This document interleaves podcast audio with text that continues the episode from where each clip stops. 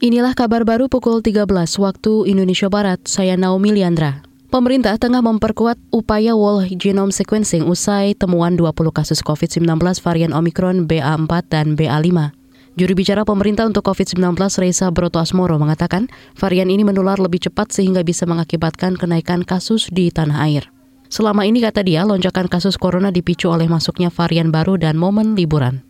Kenaikan jumlah kasus positif dan kasus aktif biasanya terjadi dari 2 hingga 4 minggu pasca diidentifikasinya varian baru yang muncul. Pada gelombang sebelumnya, kenaikan kasus terjadi setelah 20 hingga 35 hari pasca hari raya. Kasus puncak terjadinya pada hari ke-43 hingga ke-65 setelah hari raya. Oleh karena itu, kita tidak boleh lengah, terutama dengan adanya subvarian baru ini yang dinyatakan oleh WHO sebagai varian of concern, Juru bicara pemerintah untuk COVID-19 Risa Broto Asmoro mengimbau masyarakat waspada dan menjaga protokol kesehatan selama periode libur sekolah akhir bulan ini.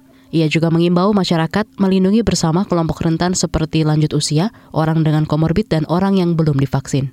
Kapal asal Nusa Tenggara Barat NTB yang membawa 30 pekerja migran Indonesia ilegal dikabarkan tenggelam di perairan Batam, Kepulauan Riau, kemarin malam. Sebanyak 23 orang berhasil dievakuasi, tujuh lainnya masih dalam status pencarian.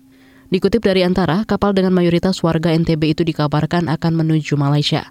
Tenggelamnya kapal yang membawa PMI ilegal itu dibenarkan Kepala UPT Badan Pelindungan Pekerja Migran Indonesia BP2MI NTB, Abri Danar Prabawa. Saat ini, penumpang selamat ada di markas Komando Pangkalan TNI Angkatan Laut Batam. Sejak Januari lalu, TNI Angkatan Laut telah menggagalkan hampir 300 buruh migran ilegal yang hendak bekerja di Malaysia. Beralih ke berita olahraga. Persatuan Sepak Bola Indonesia PSSI mengatakan perwakilan FIFA memberi catatan khusus setelah memantau sejumlah stadion untuk Piala Dunia U20 2023 yang akan digelar di Indonesia. Menurut Ketua Umum PSSI Muhammad Iriawan dari catatan FIFA, harus ada beberapa perbaikan dan renovasi stadion agar bisa dimaksimalkan menjadi venue Piala Dunia U20. Selain itu juga FIFA menyoroti sejumlah stadion yang masih memerlukan perbaikan, terutama si Jalak Harupat di Soreang, Bandung. PSSI, kata Iriawan, berharap FIFA menyetujui enam stadion yang diajukan Indonesia sebagai tuan rumah Piala Dunia U20 pada September hingga Oktober tahun depan.